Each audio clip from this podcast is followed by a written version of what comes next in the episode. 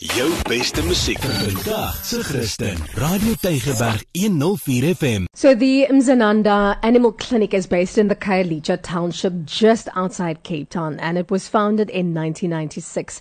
And the clinic serves up to 1,000 animals per month in various ways and they also assist with finding homes for stray or abandoned pets. They assist with abuse and neglect interventions and they've also got a very strong focus on community empowerment and education and focus on understanding the community's needs and embracing this. So this morning we are chatting to Dr. Brian Bergman. He is the senior veterinarian at the clinic. Good morning, doctor. Welcome to the show. Hi, good morning. So, doctor, it's always good, you know, to get a first-hand account of how things are. So, can you describe to us some of the challenges that you face on a daily basis at the clinic? Um, well, the challenges are really, you know, arriving there in the morning and you have like loads of people waiting outside with their with their dogs and their cats and all their different animals, and obviously just trying to get through um, the, the daily sort of um, wave that crashes on our gates mm. every day is is is a, is a challenge in itself. Um, but you know, we have a fantastic team, and um, yeah, we somehow just do it one dog at a time. Amazing.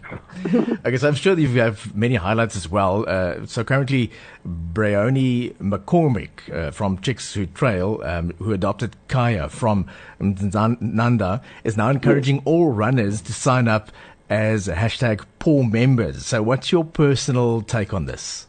I think it's probably one of the most brilliant initiatives we've ever, you know, had it with regards to funding because it's, it's it's just asking a little bit from many people rather than getting a huge amount from from one funder. Yeah. So then then what happens there is that like even if say someone just can't keep up with their payments and they have to cancel, it doesn't impact our funding so much. So you know to have all these um, individual donors giving us a little a little bit each month really creates a, a lot of stability for us financially because obviously we rely 100% or almost 100% on funding. Yeah, exactly. To, to run the clinic. So this is, in my mind, one of the best ways to do it.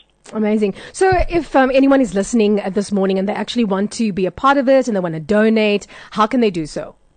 Um, the easiest way is to just get onto our website. It's uh, mm-hmm. and there's all the information that you would need there to sign up as a pool member or to um, donate and various details on how you can do that. It's all all, all listed. Lovely. Yeah, so it's pretty simple. Amazing. Doctor, we're not going to keep you up. I'm sure you're going to be very busy um, heading out to make sure that you're going to be taking care of all those little gorgeous uh, dogs and cats. Myself and Anton are such animal lovers, so we are like there 100%.